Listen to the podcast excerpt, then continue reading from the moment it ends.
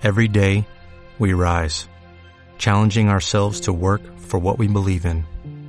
At U.S. Border Patrol, protecting our borders is more than a job, it's a calling. Agents answer the call, working together to keep our country and communities safe. If you're ready for a new mission, join U.S. Border Patrol and go beyond. Learn more at cbp.gov/careers. És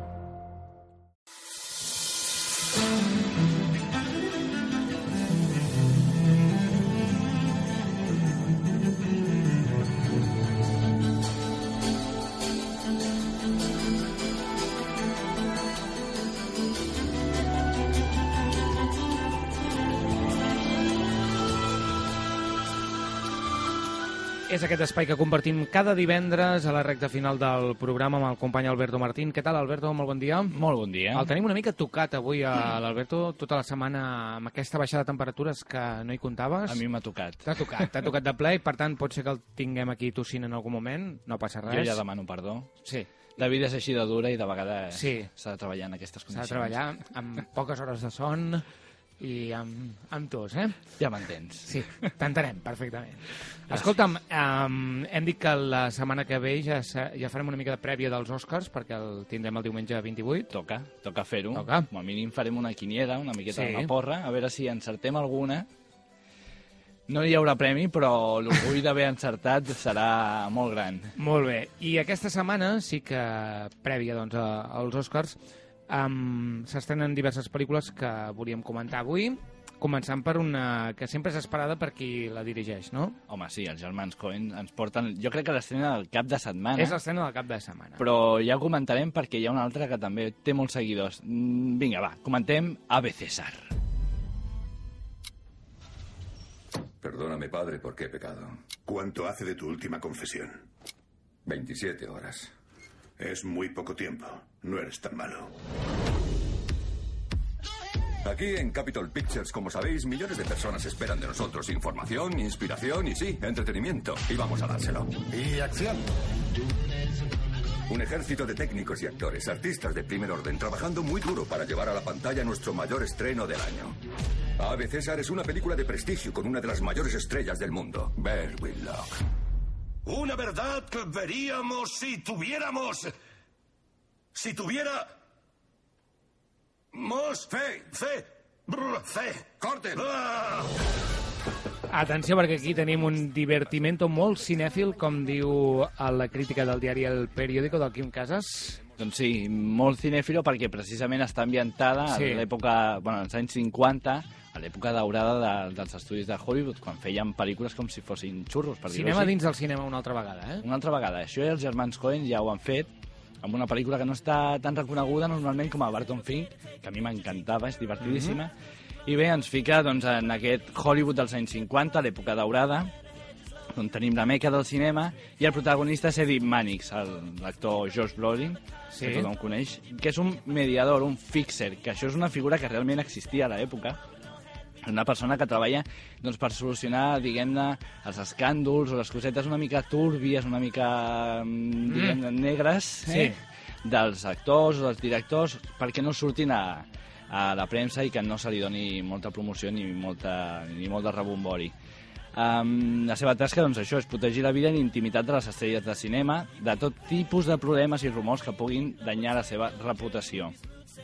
En aquest moment, doncs, la pel·lícula, la Capitol Pictures, que és l'empresa, eh, està duent a terme doncs, la gran superproducció, que és la que hem sentit i que la que dona títol a la pel·lícula, Ave César, que té, té com a protagonista a Bert Whitlock, que és a George Clooney fent un paper doncs, divertit i fent una mica de tonto, que tot s'ha de dir, ja ho, ja ho havia fet en algun altre dels germans Coen, I Eh. els germans Cohen, Ethan, no? Ethan i Ethan Joel. i Joel, diu a Clooney li surt de meravella fer l'idiota, eh? Amb una entrevista que els hi fan al... ho diuen amb carinyo, eh? Sí, suposo. Espero. Més els hi val, no? Sí, sí, més que res, perquè jo crec que és el gran reclam de la pel·lícula, tot i que té molt bons actors, però, però molts, eh? Vull dir, ara després els comentaré. Sí. Hi ha una... Bueno, una cate... anava a dir caterva, no, pobres. Un elenc. Un, un seguit de- d'elenc de, Sí. de, de Déu-n'hi-do, eh? De, de cinc estrelles Què passa quan estan rodant aquesta pel·lícula? Que segresten el protagonista, segresten a George Clooney. I eh, el protagonista, Eddie Mannix, ha d'anar doncs, a solucionar aquest segrest i intentar doncs, solucionar-ho de la millor manera sense que arribi a la premsa i això farà doncs, que puguem veure una miqueta tot el món cinematogràfic d'aquella època, els actors, els directors, els columnistes d'espectacle, els cineastes europeus, els guionistes comunistes d'aquella època, que hi havia aquella petita persecució... En fi, una pel·lícula doncs, que els que els agrada el cinema i l'època daurada doncs, podran veure un molt bon retrat d'aquella època i sobretot doncs, veure l'humor una mica més blanc aquesta vegada dels germans Coen doncs, fent una pel·lícula típica seva. He vist en el tràiler que passen al cinema uh, Ralph Fiennes, per exemple. Sí, sí, si vols ara ho comentem. Sí. O sigui, els protagonistes són George Brolin i George Clooney, però tenim Sí. també a Channing Tatum, que l'hem vist en vàries, eh, no tan reconeixibles ni tan bones. L'última, la darrera, era Magic Mike XXL. En fi, aquesta millor no comentar-la. Sí. Surt Tilda Swinton, uh, Scarlett Johansson, Jonah Hill, que és molt conegut sobretot pel paper que va fer a de Wall Street, Ralph Fiennes, Frances McDormand. Vull dir, Que és una Déu-n'hi-do, musa eh? ja aquí dels germans Sí, Coen, eh? sempre ha de sortir aquesta senyora de la pel·lícula de, George, dels germans Coen. Doncs és això, un elenc d'actors molt bons, de 5 estrelles tots, i ja veus, són, són 6-7 actors de, de gran renom que estan participant aquí. Una pel·lícula que, per cert, va inaugurar l'edició 66 del Festival del Cinema de Berlín, ara fa pocs dies, si no m'equivoco, i que, en fi, doncs, retorna una miqueta doncs, al món de la cinematografia, del cine dins del cine, com ja he comentat abans, en una pel·lícula que era Barton Fink, que feia, bueno, ens veia durant els anys 40 la vida d'un guionista de Nova York i és una pel·lícula també molt delirant, molt divertida i que a mi personalment em va sorprendre molt. Crec que perquè no es comenta tant com altres pel·lícules i que de veritat jo la recomano moltíssim si voleu veure un John Turturro fent un paper divertidíssim i tronxant. Hi ha alguns uh, peròs a la pel·lícula, he llegit a les crítiques, eh? Digues. dient que no excel·leixen. No, no, en general, que consideren que potser és més aviat una obra menor dins del que ha destacat eh, els germans Coen en la, cinema, en la filmografia que tenen, però que evidentment tres estrelles sí que li donen, eh? ja, però és que estem No parlant excel·leix, de... És que és una filmografia amb pel·lícules molt brillants. Sí. És normal que no totes estiguin al mateix nivell. Això no vol dir que sigui dolenta, ni molt menys, però és que els germans Coen tenen grans clàssics contemporanis del cinema. Tenen Fargo, per començar a dir alguna cosa. per, per Sang- començar. Sangre Fàcil, que va ser l'òpera prima de tots dos, que, que també és, un, és una obra d'art. Tenen moltíssimes pel·lícules que, clar, és, és difícil dir, no, és que totes tenen el mateix nivell altíssim. No, aquesta segurament no serà així, però en fi, que és una pel·lícula molt entretinguda i com a dada curiosa, si vols ho comentem, i és que Eddie Mannix, que és el protagonista, eh, Josh Brolin, és un personatge que va existir, de veritat. Va ser vicepresident de la Metro Goldwyn Mayer durant l'època daurada de, Hollywood, durant els anys 40 i 50, i la seva vida, doncs, diguem-ho així, estava envoltada una miqueta en la polèmica perquè es va sospitar de la seva participació en la mort d'un actor, que era George Reeves, que era una estrella dels anys 50, i que era molt famós sobretot per encarnar a Superman a la sèrie de televisió d'aquells anys. Es sospita que va estar ficat en, en aquest assassinat perquè eh, la seva dona, Tony, es deia així, mantenia un petit romanç secret amb, amb l'actor, amb en Reeves. I se sospita que doncs, els gelos el van portar a assassinar-lo. Bé, No ho sabem si és veritat, però, a més a més, hi ha una pel·lícula que parla d'això Mhm. i que fe- feia Bob Hoskin d'Eddie Mannix, que era Hollywoodland, Mhm. pel·lícula És del veritat. 2006, sí. fa Bé. molt poc. Uh, tanquem la carpeta d'Ave César I diem adéu, va. amb Joel i Ethan Cohen, l'esperat uh, en retorn d'aquests cineastes. I parlem-ne de la- l'estrena estranya. Estranya? He vist, sí, animació, per- no? És una eh, stop motion. Stop motion. Ara comentarem, si vols, què Ara, és. ara comentem el concepte. Comentem Anomalisa.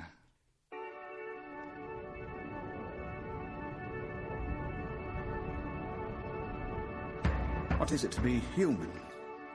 What is it to ache? What is it to be alive? Each person you speak to has had a day. Some of the days have been good, some bad. Each person you speak to has had a childhood. Anomalisa compta perquè ve avalada per molt bones crítiques. Eh? Jo la, jo la recomano ja, perquè a més a més el director és un, és un dels millors guionistes, sobretot ha estat guionista, és Charlie Kaufman, i ha fet el guió de Olvídate de mi, Mhm. aquella pel·lícula meravellosa amb Jim Carrey fent un, un paper més que bo, I Kate Winslet, no? i Kate Winslet fent d'aquella parella que tenia problemes. I també va fer doncs, a Adaptation, era el mm. Orquídeas, un altre guió realment magnífic amb... Jo- John? No, ara no recordo l'actor, com passa sempre, però uh, és un d'aquests que ha caigut una miqueta en desgràcia. Però no Parla, passa res. Parla'm de la stop motion. Vinga, va, què és això? Vinga. Doncs stop motion no és ni animació feta amb dibuixos ni amb ordinador, sinó són objectes reals que s'animen a través de uh, la consecució de fotografies, és a dir, es van movent a mesura que anem fent fotografies a diferents moments. Això es passa de seguit i sembla que l'objecte en concret es mogui, però no és així.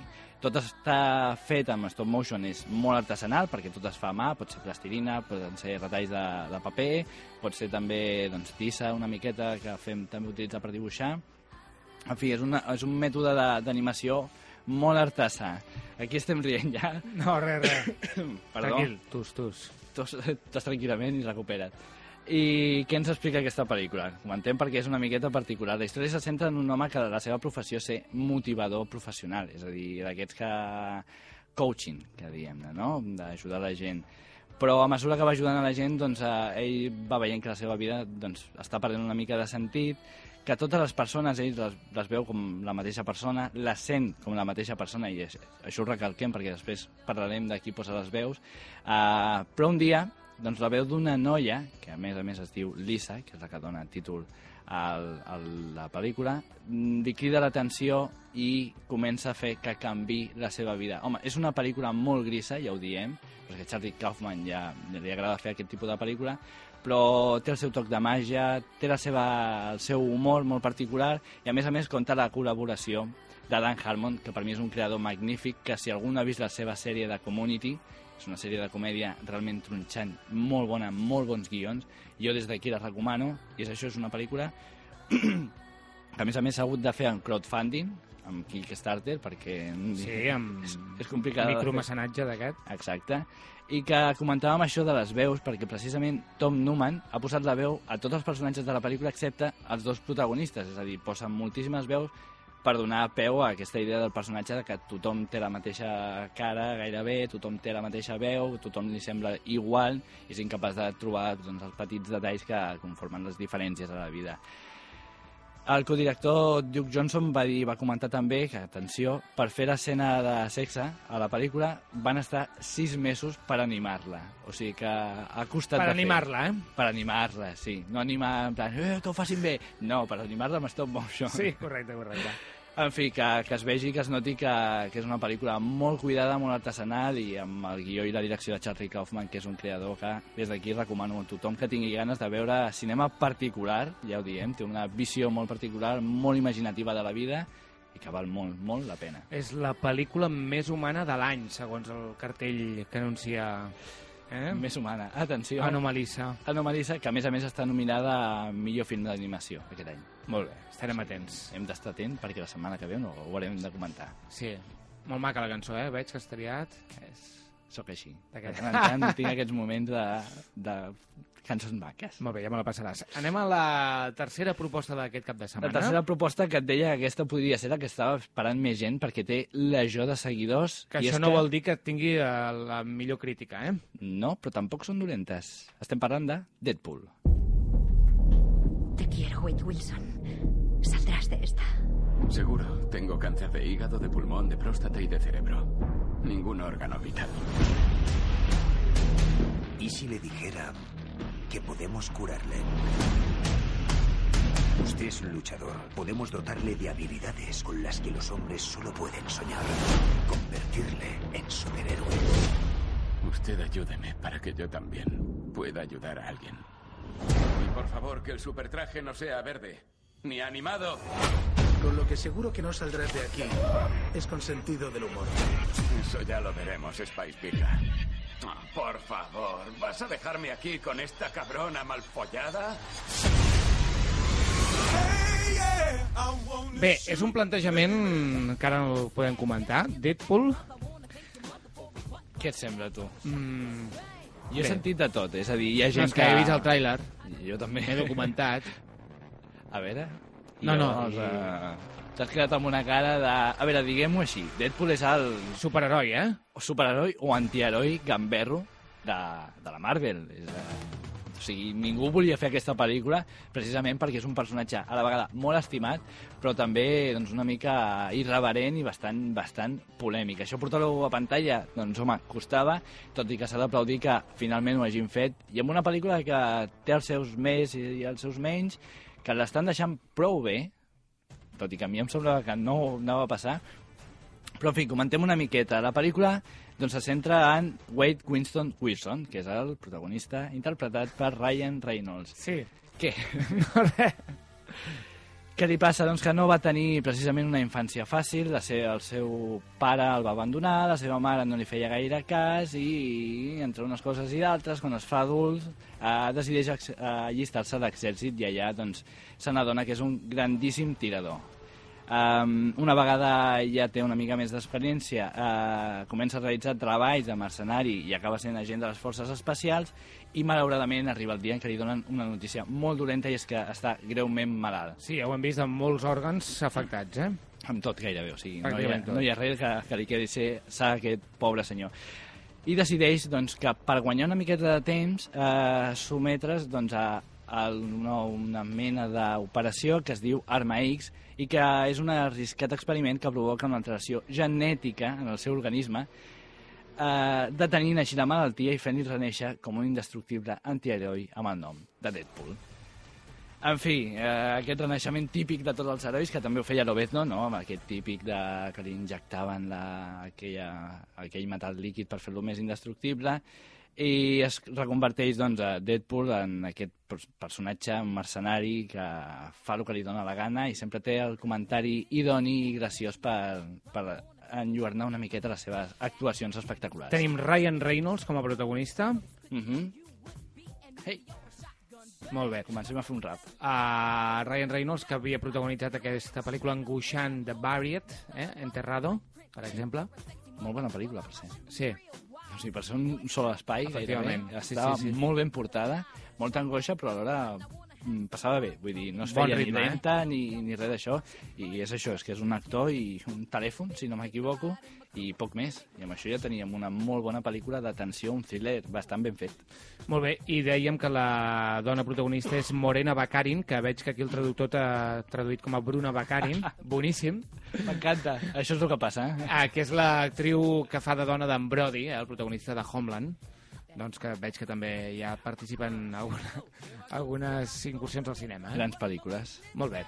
Um, comentar que el director és la seva primera pel·lícula, tot i que com a fets destacables, entre cometes, uh, es va encarregar dels... tindria?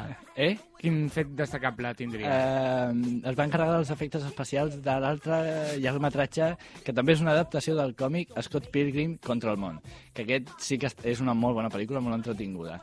Eh, això és el més interessant que ha fet aquest senyor. I també el disseny dels títols de crèdit, eh? De Millennium, els homes que no estimaven les dones, d'Elisabeth Salander. Té un molt bon currículum, com podem veure. Però bé, bé això no, és, no va en detriment de la pel·lícula, vull dir que està bé. Pobre està ben. Tom Miller, eh? Com l'estem deixant? Que ens disculpi. Ryan Reynolds, tot s'ha de dir que va publicar un Twitter amb la seva primera i divertida fotografia, i amb aquesta música tot queda sí, sí. molt bé. T'està agradant, eh, aquesta música? Molt. Yeah. Sí.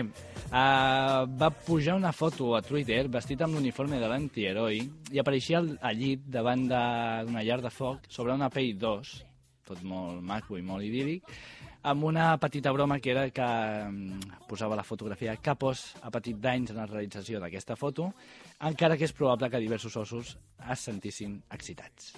Aquest és el to de la pel·lícula.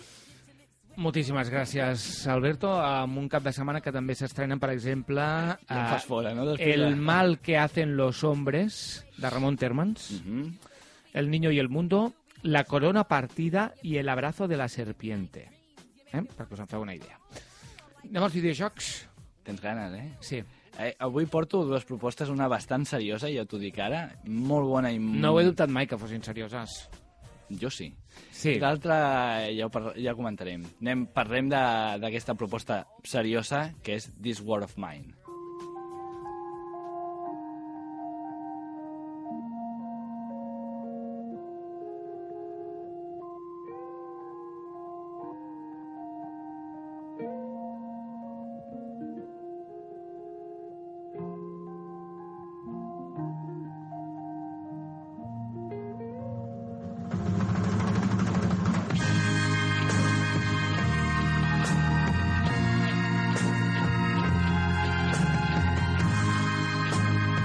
Sisplau, parla'm d'aquest videojoc. Aquesta és la música del tràiler Sí. i jo crec que el tràiler ja dona molt bones pistes de com va el videojoc perquè primerament veiem una sèrie de soldats que estan combatint i penses, ostres, el típic videojoc de, de guerra. Doncs no, perquè precisament no, cap a on es desplaça la, la, la càmera en Traveling és cap als refugiats que estan intentant sobreviure a aquest atac, a aquesta guerra que s'està patint allà fora. El videojoc que és This War of Mine, que està ara mateix per PlayStation 4 i PC, amb l'afegit de The Little Ones, que ara comentarem ben bé què és, és un videojoc d'estratègia, de sigil i supervivència, on haurem d'aconseguir doncs, superar la fam, el fred, eh, els assalts i perills que suposen quedar-se en ter territori de, de guerra a foc creuat. És a dir, és un videojoc molt seriós. Jo crec que, com a mínim, està molt bé aquesta iniciativa per donar un altre punt de vista dels videojocs de, de guerra que estem acostumats al Call of Duty i coses així d'aquest Aquest sí que em tipus. sona, eh? Aquest ja et sona més, dir, evidentment. dir, Però això són shooters, en primera persona. Són shooters. Sí, això són shooters, és a dir... Atenció, tiradors. En primera persona, sí. És, és, es tracta de matar i Sí. disparar i acabar amb tanta gent com es pugui. Aquí, en canvi, és... No costat- genera més violència, això? Alberto? Home, a veure, uh, això s'ha de... si vols en podem fer un programa d'això, Sí. perquè precisament... Ui, ja tenim dos programes a fer. Un debat sobre videojocs, un cara a cara amb el nostre company Sergi Càrceles. Jo crec que no genera més violència precisament perquè saps que és un videojoc i és, és virtual, no és real, però, en fi, això ja depèn de, també de cadascú i la ment de, de, de les persones.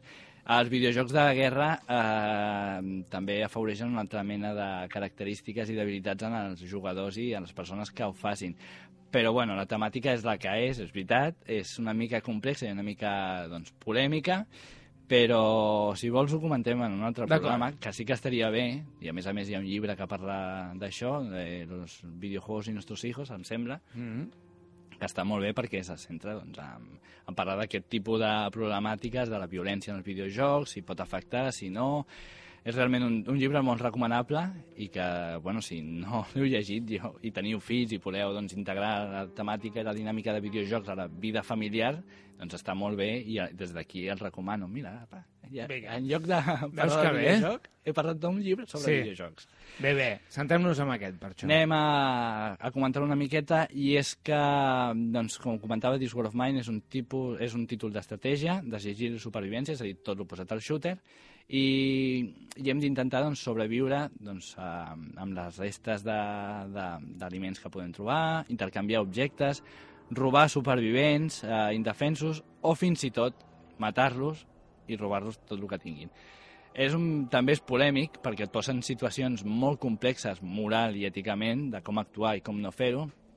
No sé si estem en horari infantil perquè hi ha una situació que, va, que vaig veure i que he llegit i que és realment mm, colpidora, que fa molt de mal. Això ho decideixes tu, Oriol. No sé si Ah, podem pleguen a les 12, diria.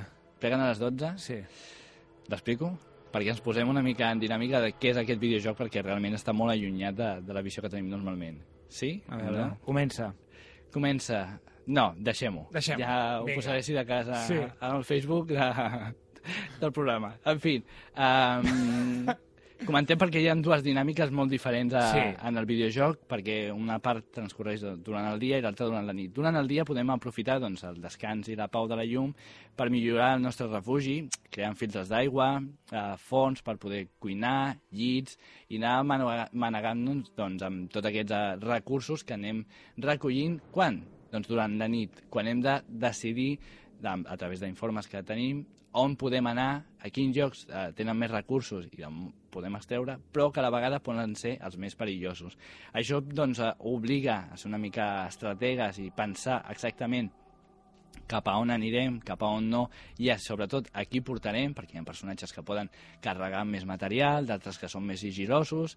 Eh, hi ha tota una varietat doncs, que ens obliga a repensar molt bé cap a on anirem i amb qui, i sobretot que és un videojoc doncs, que castiga molt eh, l'error, perquè, evidentment, si maten el personatge que és capaç de portar més material, mor, no hi ha manera de, de, de que torni a ressuscitar, és un videojoc realista 100%, i perds un personatge, doncs, en el fons, molt important per teu refugi, per poder tenir i portar més materials, però a la vegada doncs, és, és la visió realista de la vida, de, de, la, de la guerra i de, dels refugiats que han d'intentar doncs, sobreviure. Um, és això, sobretot aquesta dinàmica entre dia i nit, que està molt ben portada, pot ser una mica repetitiu, sí que és veritat, perquè al cap i a la fi doncs, eh, hem d'anar repetint moltes vegades. El mateix, però és que, a més a més, amb aquest afegit de The Little Ones que hem comentat, és que ara, a més a més, en el videojoc tenim a nens petits. I ens hem d'encarregar doncs, que no pateixin les seqüeles ni físiques ni psicològiques de la guerra, els hem de, de cuidar, de preguntar com estan, intentar doncs, que estiguin el millor possible en aquest tipus de situació. És realment és molt dur el videojoc en aquest sentit perquè doncs, hi ha preguntes dels nens eh, durant el transcurs, de, transcurs del videojoc que posen els pèls de punta però que crec que val molt la pena doncs, per, per conscienciar i per tenir un tipus de videojoc bastant diferent lo que estem acostumats. Uh, gràficament, doncs, home, no és cap meravella, tampoc ho demanem, és un joc indie, és a dir, d'estudis independents, de cap mena de, de gran estudi, i que, en fi, que recomano moltíssim doncs, per tots aquells que vulguin tenir una experiència molt diferent a la que ens donen normalment els videojocs pèl·lics. Molt bé, queden 4 minuts per arribar a les 12, encara ens queda un altre videojoc i una sèrie. Mm -hmm. A veure com ho fem, això, eh? Doncs crec que ens quedarem amb el videojoc, no? Perquè... Ja està. No, va, No. fem la sèrie. No, deixem No, el videojoc. no, no, eh, en sèrio. No, no, ara, ara m'he enfadat. No, home, no. Com vulguis. És gravíssim. El que vol... Ui, doncs ja ha arribat aquest moment que ens tusa l'Alberto. Estem perdent uns Jo. segons molt, molt, molt importants. Va, vinga, anem a parlar de la sèrie. D'acord. Uh, Comentem no, el Roger Girls. ho sap que... el Girls és el track 16, sisplau. Gràcies. Merci. Have a good day, baby. I love you. Uh, what are we supposed to not do this now that you're around? Maybe. Everywhere I go. Yes, I am only 25 and a half years old. Me. You know, people say that you can't run away from your problems. Well, I moved away from mine, and it worked. So Vinga, Girls, cinquena temporada ja? Cinquena temporada ja, i per lo que sembla, no és la darrera, però és la antepenúltima, per dir-ho així, ¿vale? Sí. Uh, ja he dit que, segons declaració de la creadora, que és Lina Dunham, que també és la protagonista de la, de la sèrie, uh, no diguis mai, mai, però donar la sèrie per finalitzada tras la sisena temporada és el que ells tenen en ment. Eh, No volen estirar gaire el xiclet de la sèrie, ja tenia, ella tenia doncs, la idea de fer-ho en cinc temporades, faran sis finalment, sí. i Ah, s'estrena ja. Per la gent que no la conegui, una pinzelladeta de què va? Tot s'ha de dir que és molt esbojarrada, eh? I molt de... molt de bogeria. Pitjor que Modern Family, vols dir? Sí, sí, a més un humor bastant més particular i més eh, allunyat de, del fair play, podem dir-ho, de, de Modern Family. Hannah és una aspirant a guanyar-se la vida, que és la protagonista, escrivint. Mentre treballa com a becària sense cobrar, eh, decideix demanar diners als seus pares, però aquests li diuen que, nanai, que ja s'ha acabat, eh, s'ha de posar a treballar, i la sèrie doncs, arrenca precisament en aquest punt, quan ella ha de començar a buscar-se la vida, amb aquesta idea tan naïf de la vida i tan il·lusionant, doncs es donarà un bon cop de, de realitat i això fa sempre acompanyada de les seves amigues, que són uh, Marnie Michael, Shoshana Sapiro i Adam Sackler. Uh, són quatre amigues molt boges, cadascuna amb una personalitat molt, molt destacada, i sobretot jo crec que agradarà més una sèrie més en vessant de, de noies que no de, de nois que amb això no vull dir que no, no, que no estigui pensada per nois atenció, eh? que Sí, no, sí, sí, que no entès. se m'entengui malament però, en fi, a mi és una sèrie que mai m'ha acabat de- d'enganxar, tot No s'ha de dir, res, però... i no passa res. I la portes aquí i ho comentem. I ho comentem i... Que la tenim a Netflix o a, quin, a quina plataforma? HBO. Busqueu-la, HBO. HBO. HBO. HBO. Molt bé, Alberto, escolta, gràcies, ens n'hem sortit bé. Sí, al final. Cuida't el, la tos i el refredat. Ho intentaré. I divendres que ve ens posem el dia amb els Oscars, eh? Vinga, va. Sí? Així farem. Farem la prèvia. Vinga, que vagi bé, bon cap de setmana. Bon cap de setmana. Amb l'Alberto Martín hem fet l'espai de ficcions i amb ell, com cada divendres, tanquem ja el programa d'avui, d'aquesta setmana. Every day, we rise, challenging ourselves to work for what we believe in. At U.S. Border Patrol, protecting our borders is more than a job, it's a calling.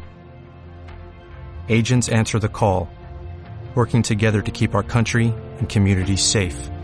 If you're ready for a new mission, join U.S. Border Patrol and go beyond. Learn more at cbp.gov/careers.